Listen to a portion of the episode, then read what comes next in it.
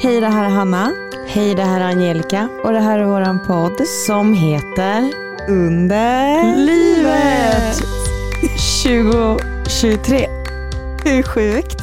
Hur sjukt? Shit, när vi spelar in det här så är det ju fortfarande december.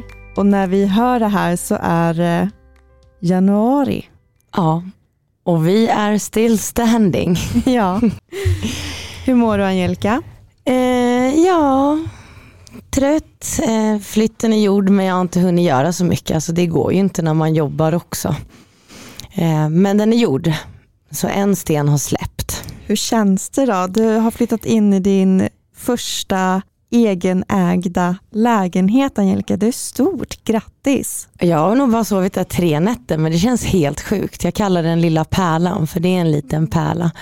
Eh, och jag har sovit jättegott eh, men har liksom tuffat på hela helgen nu som har varit och eh, var hemma från jobbet igår som är då måndag för ett smärtskov. Sov 14 timmar utan att vakna en enda gång. Har inte hört att telefonen ringde fast jag var uppe liksom och sjukanmälde mig men vaknade till men har sovit 14 timmar. Stel i bäckenet var bara förväntat. Det går inte att ta det lugnt när man ska flytta. Det kommer du märka. Tror du att, eh, att flytten och stressen men också det fysiska, packa ner, packa upp, bära kartongen. Tror du att det är det som gjorde att du har ont, fick det här skovet nu? En kombination men också det här fysiska för att det går liksom inte att ta det lugnt. Även fast jag fick höra liksom från min flytthjälp att ta det lugnt, du ska inte bära det där. Nej men jag kan bara lyfta ner den för man ska underlätta. Eh, och det fick jag sota för igår men det var väntat. Mm. Eh, så jag hade bara väntat på det. Men eh, ja, annars ser jag fram emot 2023 här nu. och jag ser fram emot att få komma och hälsa på dig, din lilla pärla. Eh, vi får vänta lite. jag har en låda i taget, eller vad mm. säger man? Alltså det, du kommer märka vilken kaos. Alltså. Men låt det ta tid. Alltså jag, samtidigt så när man flyttar in då vill man ju bara så här, äh, komma in och få bo in sig upp med allt och bara få mysa. Men ja men man ska inte stressa där heller. Det är också den här, jag till och med läste igår när jag var hemma att hur taggar jag ner flyttstressen och då kom det mycket in, inför stress men sen fanns det någon bra artikel jag hittade där det stod att du har ju faktiskt flyttat in med allt det du har, ta en låda i taget och ta inte upp något du inte vill ha. Så att den stressen går att jobba med på ett annat sätt än den man utsätts för innan. Det är bara för en själv att bara tillåta sig att gå och lägga sig tidigt en kväll. Mm. För nu kan man det. Ja. Nej men det tuggar på. Hur mår du? Ja men det är väl samma sak här. Um, jag mår sådär, jag är sjukskriven, jag är jättetrött, jag har ont. Uh, men uh, ja, det är väl inget nytt egentligen. Jag kämpar på. Så. Har inte så mycket att dela med mig av, mer än det. Det blir... Eh, det är inget nytt. Så ska vi gå direkt in på temat för dagens avsnitt. För vi har ingen med oss i studion. Men vi kommer prata om några specifika människor så jag har dem i studion på ett sätt. På ett sätt och jag är väldigt spänd. Jag tycker ibland det är rätt skönt också att komma lite, alltså vi har ju ett tema och det är du som ska få presentera. Och det ska bli kul att se om jag har fattat denna uppgift rätt. Det tror jag nog att du har. Jo, men det här avsnittet kommer handla lite om eh, True crime är kanske inte helt rätt titel att sätta på det. För nu har vi ju kommit in här i studion med eh, två manus, ett som du har skrivit, ett som jag har skrivit om ett specifikt fall. Och mitt fall går inte riktigt in under true crime, men det går in under endometrios i alla fall. Och jag tänkte så här Angelica, för nu har vi många nya lyssnare och det var länge sedan vi pratade om vad endometrios är. Så att jag tänker att jag bara läser en liten faktaruta här nu från 1177. Och jag kanske inte håller med om allt som står där, men jag citerar. Endometrios innebär att det finns livmoderslemhinna eller celler som liknar livmoderslemhinna på andra ställen än inuti livmodern. Ett vanligt symptom är att ha mycket ont i samband med mens. De flesta behöver behandling för att slippa att ha ont och andra besvär. Och symptom det är vanligt att de första symptomen kommer i tonåren. En del får symptom redan första gången de har mens. Symptomen vid endometrios varierar från person till person. En del känner inte av den alls eller ganska lite.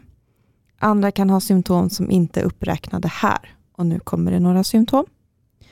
Det är vanligt att ha mycket ont när man har mens eller ägglossning. Oftast gör det ont i magen, men det kan också göra ont ut mot ryggen och ner i benen. Det är också vanligt att ha ont långt in i slidan och magen när du har eh, slidsamlag. Du har symptom som liknar urinvägsinfektion. Du kan till exempel känna dig kissnödig ofta eller ha svårt att komma igång och kissa. Du har symptom som liknar IBS som till exempel diarré eller förstoppning. Det gör ont när du kissar eller bajsar. Du har blod i kisset eller bajset. Du känner dig allmänt trött, sjuk, illamående och har feber. Du har svårt att få till en graviditet. Du har längre och rikligare mens. Det är vanligt att ha bättre och sämre dagar eller längre perioder med mer eller mindre symptom. Hur starka symptom du har kan också variera över tid. Eh, så får man gå in på LO77 och läsa lite mer om man är intresserad av det. Och endometrios är i sig inte en farlig sjukdom. Jag tänker mycket på det när jag har mina allra värsta smärtskov, att det inte är farligt. Jag tänker på det nästan som ett mantra. liksom. Ibland kan det ju se väldigt otäckt ut när man ligger där med smärta, liksom stel i kroppen, man skakar som om man har ett anfall och man hackar tänder, för så ser det ut för mig. Ibland svår att få kontakt med. Men det är inte farligt. Det går också alltid över. Det passerar, men det kommer ju tyvärr också åter. Men det här med att endometrios inte är en direkt farlig sjukdom, det är inte helt sant. För vi så mycket annat med kroppen och vård, eller utebliven vård, som det ofta är i det här fallet med endometrios och kvinnosjukdomar, så kan det uppstå komplikationer. Och det var det som hände svenska Emilia. Vi har tagit upp hennes fall förut och jag tänkte att jag ska läsa upp artikeln om henne som Aftonbladet har skrivit för flera år sedan när det här hände. Jag har inte förberett något manus utan jag tänker att jag bara läser artikeln utan till. Och så hoppas jag att det går bra. Och efteråt Angelica så skulle jag vilja att du eh, jag skulle vilja veta vad du känner för det här. Du liksom, jag har ju också endometrios eh, och nu har vi turen att få bra vård men det har vi ju inte alltid fått. Och jag själv kan känna igen mig mycket i Emilia och att hon vände sig till läkare efter läkare för att få hjälp. Liksom. Hon fick bara höra att allt såg bra ut. Och precis så var det för mig också. Eh, och, och, ni som lyssnar på det här och vill veta mer om min och Angelicas olika erfarenheter så eh, pratar vi om det i poddens första avsnitt. Jag vet inte om det är det allra första eller om det är andra eller tredje, men det är i alla fall något av de där första. Och då berättar vi kronologiskt liksom från början våran eh, respektive story. Men hur som, eh, nu ska jag läsa upp Aftonbladets artikel om Emilia och sen som sagt Angelica så vill jag höra hur du känner om det som har samma sjukdom. Och eh, jag lägger den här artikeln i eh, avsnittets beskrivning om ni vill eh, läsa den själva. Och rubriken är Nonchalerad av 32 läkare. För första gången har sjukdomen endometrios skördat ett dödsoffer. Emilia, 27 år, träffade 32 läkare på nio månader, men ingen tog henne på allvar. När Emilia väl fick hjälp var hennes tillstånd livshotande. Hon hade stopp i tarmen, var svårt undernärd och överlevde inte operationen. Emilia var 21 när hon fick diagnosen endometrios. Sjukdomen hade satt sig på och i tarmen och orsakat en förträngning. Hon hade fruktansvärda magsmärtor och mensblodet rann även ur tarmen. Det var sommaren 2010 som hennes tillstånd försämrades. Hon led av konstant förstoppning upp till tio dagar i sträck, berättar hennes mamma Margareta i Malmö. Under nio månader sökte Emilia hjälp otaliga gånger på Sahlgrenska universitetssjukhuset i Göteborg där hon bodde med sin sambo. Men hon bollades bara runt mellan gyn, medicin och kirurgklinikerna. På dessa nio månader mötte hon 32 olika läkare men ingen tog det medicinska ansvaret för henne. Hon fick ingen hjälp, varken mot förstoppningen, sjukdomen eller tillräcklig smärtlindring. Hon nekades också remiss till Sveriges då enda endometriosklinik vid Akademiska sjukhuset i Uppsala med hänvisning till Sahlgrenskas egen endometriosvård som är tillräckligt god. Emilia blev allt sämre. Hon kunde inte behålla maten utan kräktes upp allt på grund av förstoppningen. I april 2011 var hon inlagd 21 dagar men fick inte ens näringsdropp. När Margareta träffade sin dotter i april fick hon en chock. Hennes armar var bara skinn och kinderna helt insjunkna. Hon såg ut som hon hade anorexi. Emilia, som var 182 centimeter lång, hade rasat från 57 kilo till 48 kilo på bara några månader och hennes BMI sjunkit till 14 vilket är grav undervikt. Hon kräktes upp allt. Hon darrade i hela kroppen, skakade av sina smärtor. Magen var stenhård. Det kändes som hon hade en bebis i den. Sista gången Emilia besökte sin mamma i maj spydde hon hela natten och hade smärtsamma magkramper. Hon orkade inte längre utan fördes med ambulans till Skånes universitetssjukhus. Där insåg läkarna genast allvaret. De sa att det var på liv och död. Undersökningen av tarmen, koloskopin, gick inte att genomföra. Det var totalt stopp. När läkarna opererade henne fick de nästan en chock. Tarmen fick tömmas på cirka 10 liter avföring. Förträngningen skars bort och Emilia fick påse på magen. Operationen gick bra. Men fyra dagar senare, tisdagen den 31 maj, drabbades Emilia plötsligt av blodtrycksfall. Hon fördes till intensiven dit hennes mamma och sambo kom senare. Hon var med, vid medvetande. Jag pratade med henne. Hon sa att hon hade så ont i ryggen och kände sig varm och ville att jag skulle fläkta henne. En halvtimme senare var Emilia död. Hon fick hjärtstillestånd. Jag blev helt kall när jag förstod att hon var död.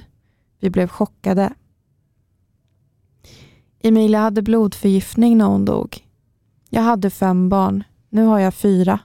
Det är en fruktansvärd förlust för oss alla. Det är helt onaturligt att begrava sitt barn, säger Margareta. Hon anmälde Sahlgrenska till Socialstyrelsen för fel i vården och anser att Emilia borde ha opererats redan under sommaren 2010 när hon var i bättre skick. Jag är fullständigt övertygad om att Emilia varit i livet om man i Göteborg tagit hennes besvär på allvar. Trots att hon träffade så många specialister så var det ingen som observerade att hon höll på att tyna bort. Alla har brustit i ansvar. Det fanns ingen vårdplanering och ingen ansvarig läkare. Hon framförde sin kritik vid ett möte med sjukhuset.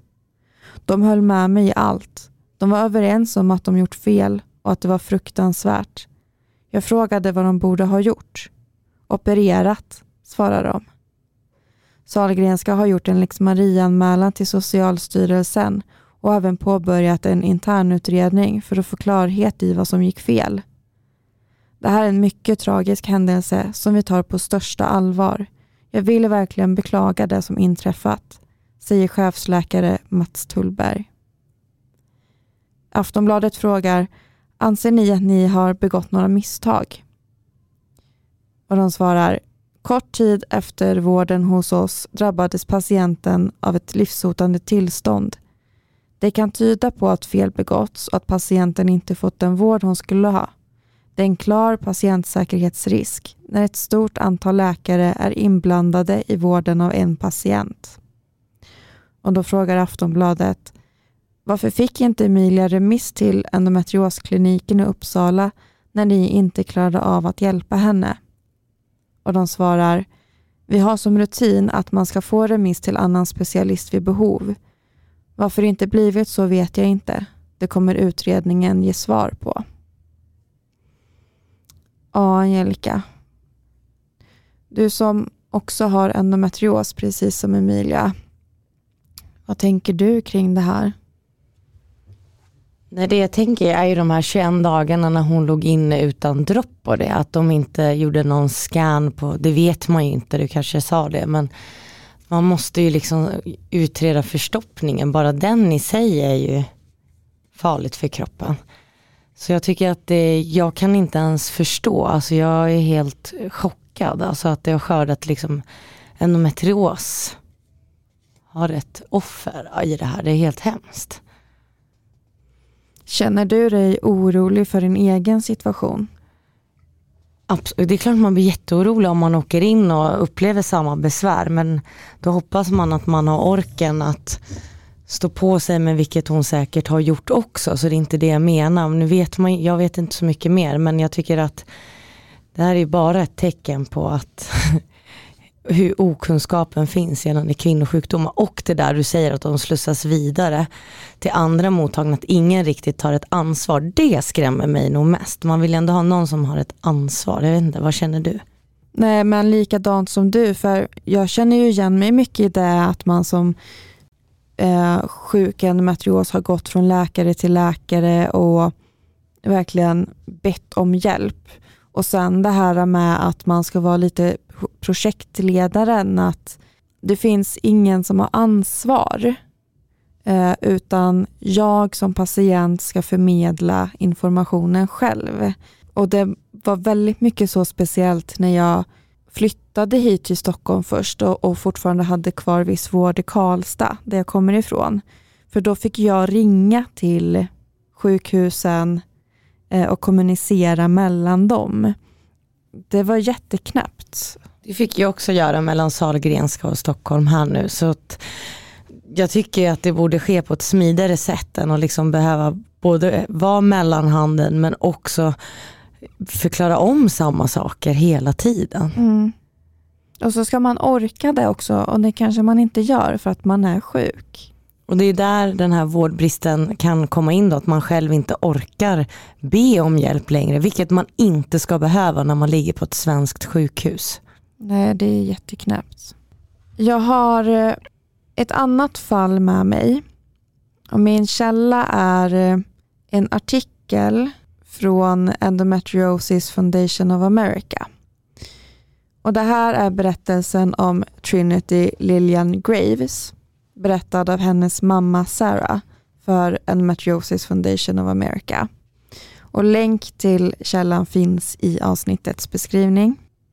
Trinity var det äldsta barnet i en amerikansk familj i USA med en ensamstående mamma och flera yngre systrar. Trinity var en väldigt glad och livfull tjej som gärna retades och lekte med sina småsyskon. Det var sån hon var, en ung människa med mycket humor. Hon brydde sig om andra människor och hon var engagerad i sin familjs och sina vänners liv hjälpte gärna till när någon hade problem och såg till att andra hade det bra. Ett stort hjärta helt enkelt. Hon var en person som syntes i rummet när hon kom in och hon hade många vänner runt om sig som hon älskade och som älskade henne. Hon var en populär tjej.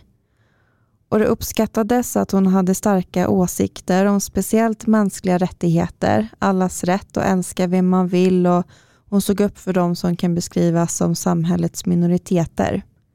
Om någon sa emot så vek hon sig inte. Tvärtom så gillade hon att diskutera och drömde faktiskt om att bli utrikesminister. Trinity var också en kreativ själ. Hon älskade att skriva dikter och låttexter. Hon var snabblärd, klok och målinriktad. Och det hon var intresserad av kunde hon djupdyka i tills hon var expert. Och hon var intresserad av allt från hår till att fota och sy och virka. Och även om andra såg henne som expert så upplevde hon själv att hon aldrig var nöjd. Hon sökte hela tiden efter att bli bättre och kunna ännu mer. Och så var hon en riktig fashionista. Och alla klädinköp som hennes mamma och syskon gjorde gick alltid via Trinity. Hennes stilsäkra smakråd var att lita på. Men så hade Trinity också mensvärk. Så pass allvarlig smärta att hon var hemma från skolan några dagar varje månad när hon hade mens. Och Det är ju ett väldigt vanligt symptom på endometrios. Hon sökte hjälp hos läkaren på skolan som misstänkte att hon kunde ha PCOS och det var så hela vårdkarusellen satte igång. Trinity sökte hjälp hos vården gång på gång för sin smärta. Men varje läkare, barnmorska, sjuksköterska, ja alla hon träffade tog inte hennes problem på allvar. De eh, sa att eh, det antagligen var psykiskt.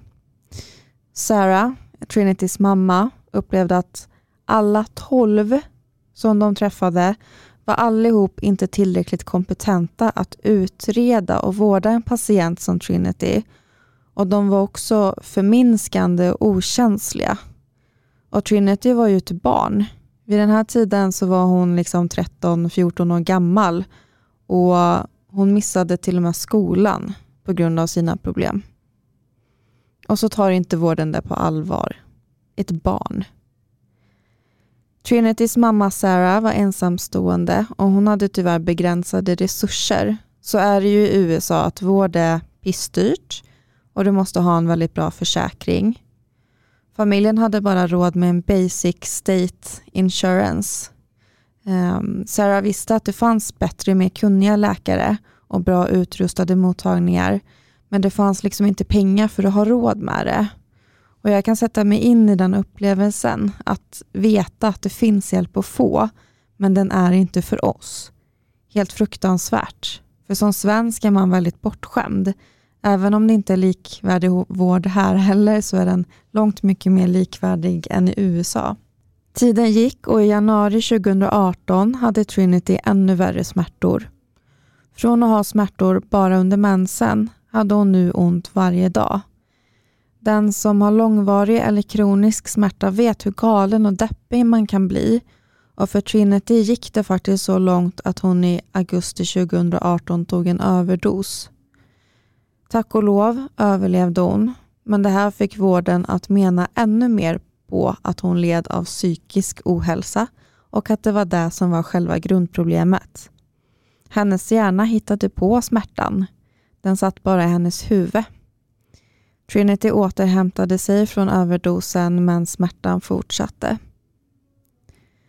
Den dagliga smärtan gjorde så att hon missade ännu mer skoldagar och det gick så långt att hon fick gå om en hel årskurs. Men vet du vad som hände första dagen i skolan när hon skulle gå om? Hon fick åka hem på grund av smärtan. Hon hade så ont att Sarah, hennes mamma, fick komma och hämta henne. Trinity hade så ont att hon inte ens kunde stå upp. Månaderna var allra värst. När hon vaknade kände hon direkt smärta och med varje liten rörelse så gjorde hela kroppen ont. Det blev svårt för henne att kliva upp ur sängen, ta av sig pyjamasen och sätta på sig kläder. Något så simpelt som att göra sig redo för skolan och för dagen blev en jättestor kamp för Trinity. Ibland var det till och med helt omöjligt. Samma sak med sömnen. Hon hade väldigt svårt för att somna och när hon väl somnade så var det av ren utmattning. Sara säger att hon inte vet precis allt. Personen blir ju så bra på att dölja det liksom. Men Trinity fick ett självskadebeteende. Hon brände sin vänstra arm för att skifta fokus från smärtan i magen till armen.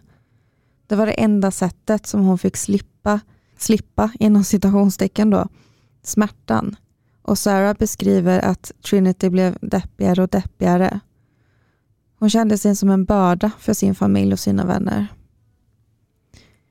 En dag fick eh, Sarah höra av en bekant att alternativ medicin kanske kunde hjälpa hennes dotter.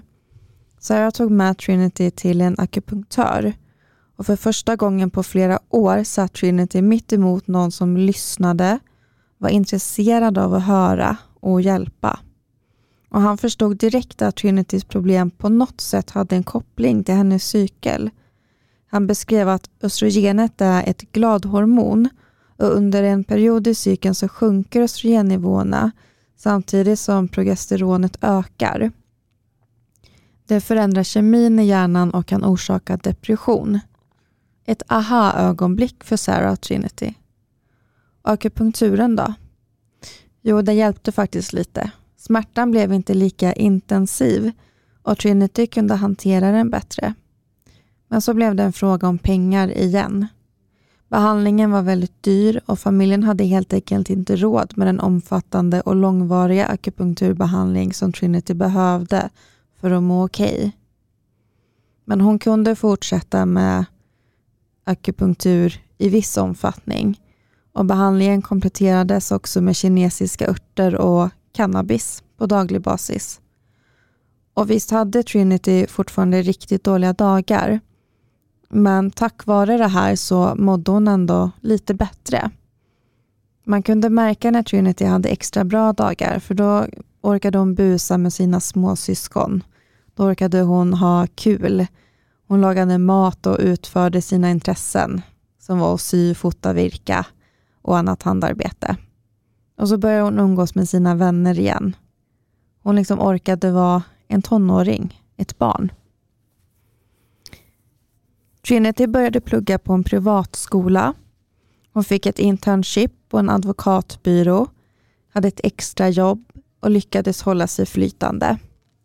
På en tiosiffrig skala låg hon nu på runt sex, vilket är väldigt högt för andra, men för Trinity var sex en bra siffra.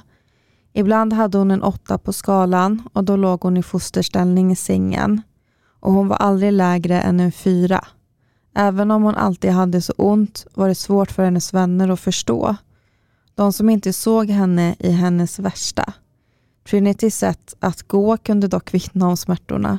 Hon liksom flöt fram och det gjorde hon för att i varje steg, bokstavligt talat, besvara sig, bespara sig lite smärta. För varje steg gjorde ont. Jag har en sjukdom som heter endometrios. Sarahs Facebook-vän Melissa hade gjort ett inlägg under texten “Jag har en sjukdom som heter endometrios” var en bild på Melissa. En bild när hon ligger i fosterställning i sängen. Sarah kände igen den där positionen så väl. Så hade ju Trinity legat så många gånger. Melissas inlägg om endometrios var en ledtråd. Kunde det vara det som drabbat Trinity? Melissa hjälpte till med tips på läkare med kompetens om sjukdomen. Tyvärr en väldigt kort lista. Men nu hade familjen bättre sjukförsäkringar och kunde söka sig till ett namn på listan. Trinity hade gett upp hoppet för länge sedan och var faktiskt inte så taggad på att träffa ännu en läkare. Ja, hon behövde fortfarande all hjälp, men hon hade inget hopp att få den. Läkaren var tack och lov bra. Han lyssnade på Trinity och lyckades diagnostisera henne med sjukdomen adenomyos, och för er som inte vet vad adenomios är, så väldigt förenklat nu, så kan man säga att det är som endometrios, fast endometrios sitter utanför livmodern och adenomios i livmodern. Väldigt förenklat beskrivet dock. Som behandling fick hon en hormonspiral insatt, men inget ska vara enkelt. Hormonspiralen som sattes in för att stoppa hennes mens gjorde att hon blödde mer eller mindre hela tiden istället. Hon gavs två val, två alternativ som komplement till spiralen. Fysioterapi för bäckenbotten eller att försättas i kemiskt klimakterium. 17-åriga Trinity orkade inte mer. Hon sa nej till båda. Och så kom covid-19 och lockdown. Det som fått Trinity att fokusera på annat än smärtan, skola, jobb, kyrkan och sociala aktiviteter stängdes nu ner. Akupunkturen, den där livlinan, fanns inte längre som en behandling. Trinity hamnade i lockdown med sin smärta. Den ökade och ökade. Så också hennes depression. Sarah gjorde allt för att hjälpa sin dotter och hon lyckades hitta en psykolog som jobbade digitalt och som Trinity fick förtroende för. Psykologen skrev ut medicin mot ångest och depression. Och det hjälpte Trinity en aning. Hon blev av med sina mardrömmar och nattliga ångesttimmar, men smärtan kvarstod. En kompis tipsade henne om att köpa en tensapparat, vilket hon gjorde. Det hjälpte lite grann. Tids nog blev Trinity mer stabil och livet kändes lite ljusare igen. Hon kände att hon hade livet under kontroll och hon började till och med se fram emot college som hon sparade pengar till. Men så en septemberdag, när hösten är som krispigast, smsade hon till Sarah. I feel trapped in my own body. I hate my body so much. I'm not talking about weight. I'm talking about pain. I couldn't sleep again last night and I was up until 5 a.m. because of pain. Then I overslept. I can't even attend work or school like I want to. Like I'm trapped in this vessel and I'm a soul that's capable of so much more, but I can't. I feel suicidal even when I've been taking my medicine. Två veckor senare dippade Trinity ytterligare. Hon var handlingsförlamad och orkade ingenting. Hon ville ingenting. Hon hade ett samtal med sin psykolog, men hon orkade inte. Istället tog Sarah det samtalet. Hon gick in i ett annat rum och pratade med psykologen. När hon kom tillbaka till Trinitys rum satt hon med ett rakblad i handen och med tårar som forsade ner för hennes kinder. Tiden stannade. Sarah tog rakbladet från Trinitys hand, satte sig mitt emot henne. Trinity skrek och skrek. Hon skrek på ett sätt som hon aldrig skrikit förut. Den dagen slutade på akuten. I samband med den där händelsen kom det fram att Trinity hade börjat missbruka tabletter som hon köpt på gatan. Sarah hade aldrig kunnat tro. Hon hade ju sån bra koll på sin dotter. Men det fanns ändå någon slags förståelse för det. Med drogerna kunde Trinity fly verkligheten men tyvärr aldrig från smärtan. Hon kunde fly från den psykiska smärtan, men aldrig den fysiska. I januari 2021 gjordes en titthålsoperation och läkarna kunde fastställa att Trinity även hade endometrios.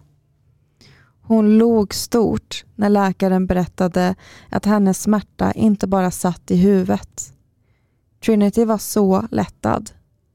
Hon hade faktiskt tidigare frågat sin psykolog om det inte kunde vara så att hon bara hittade på.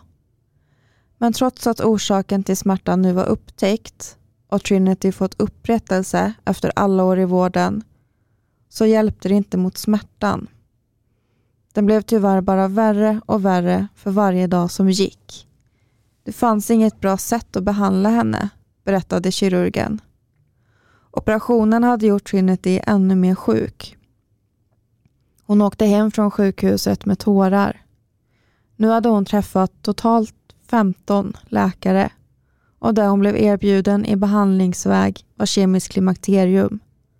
Hon skulle ta en tablett som försatte henne i klimakteriet. Om det inte hjälpte henne efter tre månader så skulle hon få prova p-piller efter p-piller efter p-piller. Hon var en riktig försökskanin och ingen verkade ha några svar eller bra hjälp att ge. Inte ens landets bästa läkare.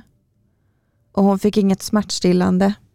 Ingen läkare ville skriva ut det längre på grund av den amerikanska opioidkrisen. Inte heller för att hon var en ung tjej. Alternativen, akupunkturen, gräset och allt annat var inte bra nog längre. I mars 2021 smsade Trinity till Sarah. Hon skrev att hon var i so much pain that I want to die. Sarah förstod helt. Trinitys liv var inget annat än smärta. Smset fortsatte. I never thought I would make it to 18. Smärtan hade börjat få Trinity att kräkas. Hon hade svårt att äta och det enda hon fick i sig var juice. Hon slutade plugga, hon slutade jobba. Hon klarade knappt av att stå på benen. Hon gick upp i vikt, slutade ta hand om sin hygien. Hon slutade prata om sin smärta och hur hon mådde. Hon slutade se fram emot saker, se fram emot framtiden. Hon slutade prata med psykologen. Hon slutade ta sina mediciner. Hon förlorade hoppet och hon började stänga ner. Och en dag tog smärtan 18-åriga Trinitys liv. Hon orkade inte mer. Vill du se hur hon såg ut? Gud vad sorgligt. Så där ser hon ut. Kan inte du beskriva, vi lägger ut den här bilden på Instagram, men vill du försöka beskriva Angelica hur hon ser ut? Ja, säkert så som många läkare hade sett en frisk ung tjej, bryr sig om sitt utseende, ingenting syns på utsidan och verkar vara väldigt glad. Mm. Men det är bara ett skal. Kunde du känna igen dig någonting i, i den berättelsen jag läste upp nu? Absolut, det här med att man vill liksom inte skada sig själv på det sättet men typ som en tenn som ger stötar. Att man vill ha någon typ av annan smärta för att få en paus från de här skoven eller den här vardagliga smärtan också. Men att man vill hitta någon form av smärta som bedövar den andra så att man får en paus från vardagen. Eh, och det tror jag många känner när man har ett sko men också det här att det jag reagerar på, nu är det såklart USA, men att man har ju en basic sjukförsäkring eller vad det kallas. Och då ska det liksom inte täcka att man inte har rätt till att ändå bli vidare slussad till att få möjlighet i alla fall. Det känns som att där är ju också så mycket vårdbrister så att det jämför jag lite med den historien innan. Att även där faller man emellan stolarna. Mm. BBC frågade 13 500 kvinnor som led av endometrios om de någon gång funderat på att ta sitt liv och över hälften av kvinnorna svarade ja. Och Det är väl också som det pratas väldigt lite om att även om man hamnar på den här skalan som du pratade om där, att hon gick aldrig lägre än en fyra men låg på en åtta till exempel. Den där åttan kan ju göra att man skriker jag vill dö och det är inte konstigt om många menar det för att det har gått för långt. Och speciellt hon som inte ens har fått någon hjälp. Och det här måste vi ändå påpeka att det är ändå 2021. Mm. Jättesorglig historia, alltså verkligen. Men det är viktigt att vi pratar om det här. Mm. Eh, men jag tänkte fråga vad du hade för känslor och ens liksom skriva det här. Det var ju väldigt tungt. Men jag har ju känt igen mig så otroligt mycket i den här berättelsen. Och så här, både Trinity som är drabbad men också Sarah som är anhörig och ser det utifrån. Den här texten, det är Sarah som har skrivit den. Jag har översatt den från engelska till svenska. Min, min översättning då. Eh, och Jag tycker att Sarah skriver så himla fint om det här. Och eh, hon förklarar också att hon berättar den här historien, det är viktigt att den kommer ut för att Trinity ska inte ha varit med om det här äh, förgäves. Det här hände för att vi behövde få den här upplevelsen. Vi behövde få det här. Och det är väldigt fint. Och därför så vill hon prata om Trinity och det var därför också det kändes väldigt fint att få, eh, få berätta den här historien i våran podd också och få sprida den ännu mer. Det som hennes mamma också säger är att hon påpekar där i något sms att hon trodde inte ens hon skulle bli 18. Mm. Alltså vi får inte glömma hur liten man är när man är 18 år och känna det, det är ju helt sjukt på grund av smärtan ja, 18 år, man ska, inte ens, man ska inte vara medveten om sin kropp då. Den ska bara fungera och hänga på i alla äventyr och dumheter som man gör. Det är helt fruktansvärt. Jag känner mig lite tom. Jag känner mig också väldigt tom. Mm. Men jag är glad att Underlivet belyser den här historien i Sverige också.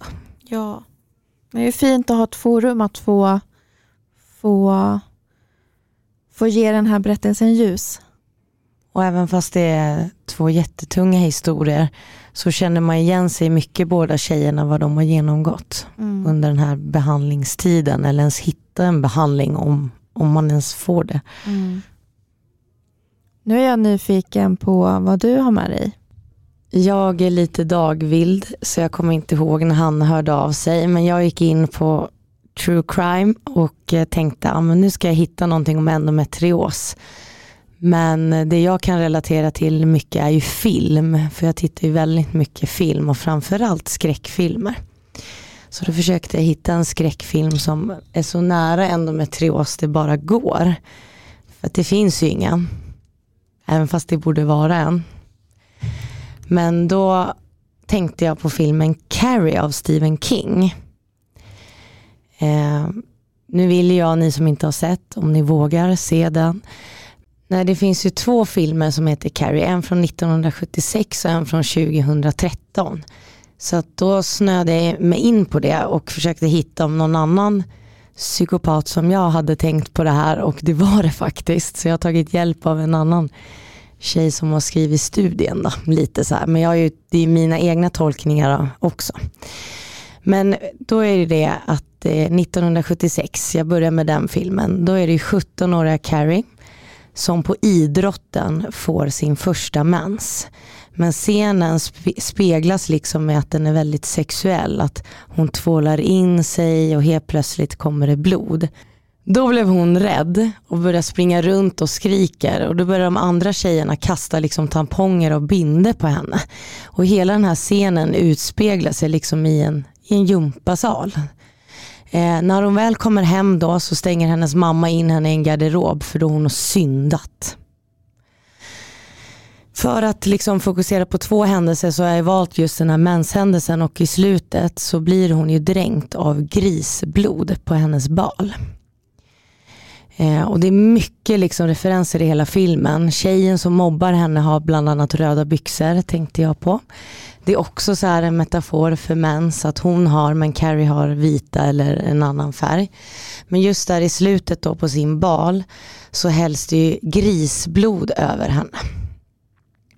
Och alla skrattar. Och pigg, det är på grekiska och latin även ett annat ord för kvinnans könsorgan. Så att när man säger också att eh, man häller grisblod, det är liksom också för att visa hur mens är äckligt och orent på något sätt. Eh, men slutsatsen av den äldre filmen är ju då också att de är mycket inne på det, anspelar på det här sexuella, att Eh, de är mycket på henne om hennes klädval, att hon är för utmanande, bara där hur kvinnans roll speglar sig eh, 76.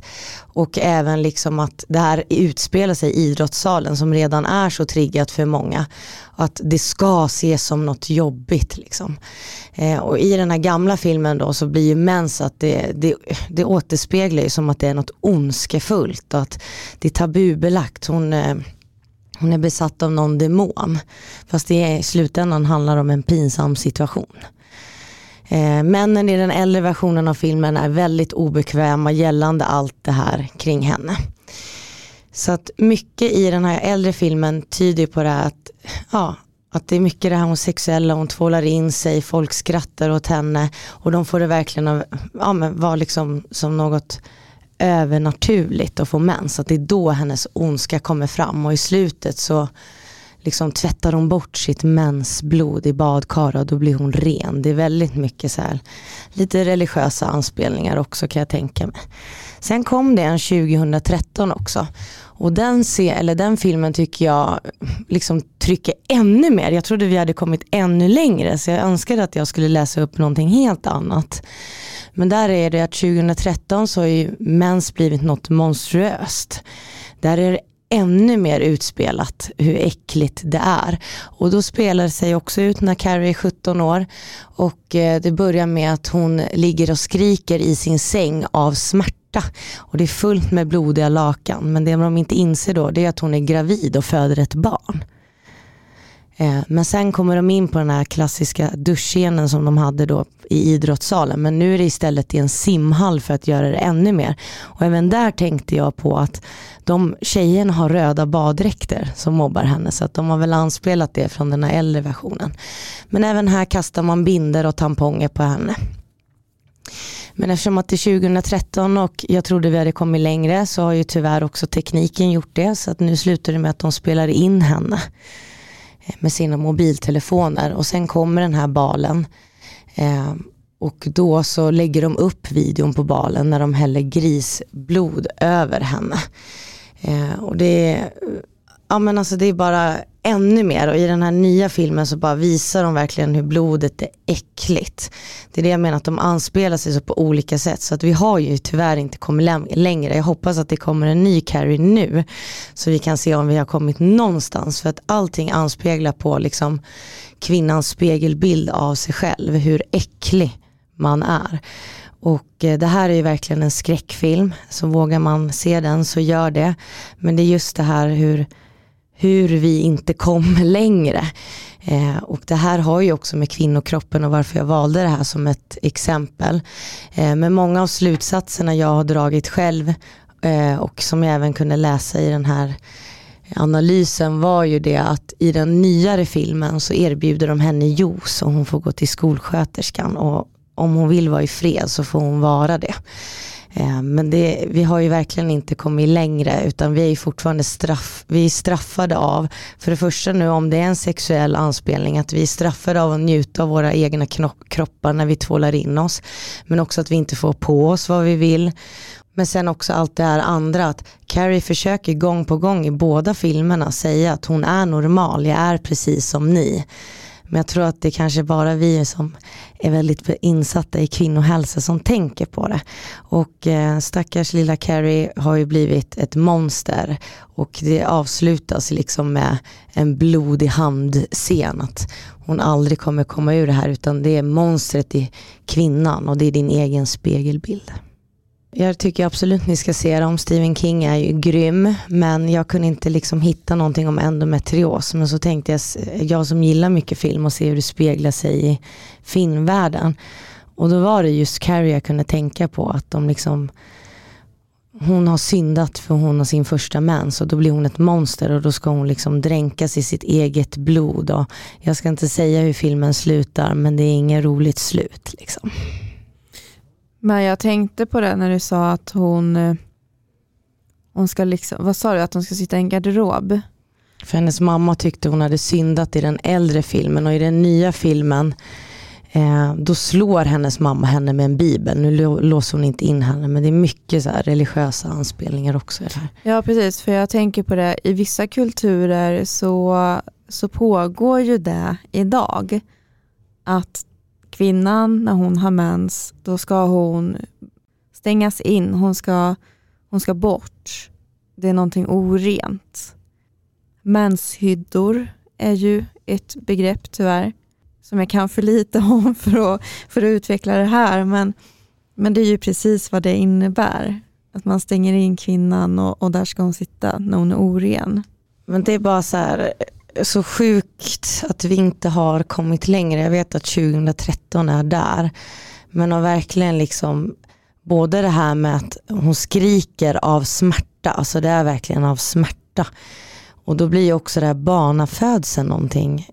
De får ingenting av Ingenting är naturligt i den här filmen utan det ska bara vara onaturligt. Allt det här som händer i den senaste filmen ska bara vara onaturligt. Vilket är bland det vanligaste vi går igenom, både mens, eh, föda barn och männens syn på allt. Liksom, vi borde ha kommit längre så att jag hade ingen anspe en anspelande grej om just endometrios men det här är väl också om oss som kvinnor, hur vi framstår på filmduken. Och man kanske inte tänker så mycket på det när man är där själv men det är fruktansvärt. Shit vilket sätt att starta säsong 6 och eh, 2023 på. Nu är vi igång Angelica. Nu är vi igång. Tack för det här avsnittet. Tack för det här. Hej då. Hej.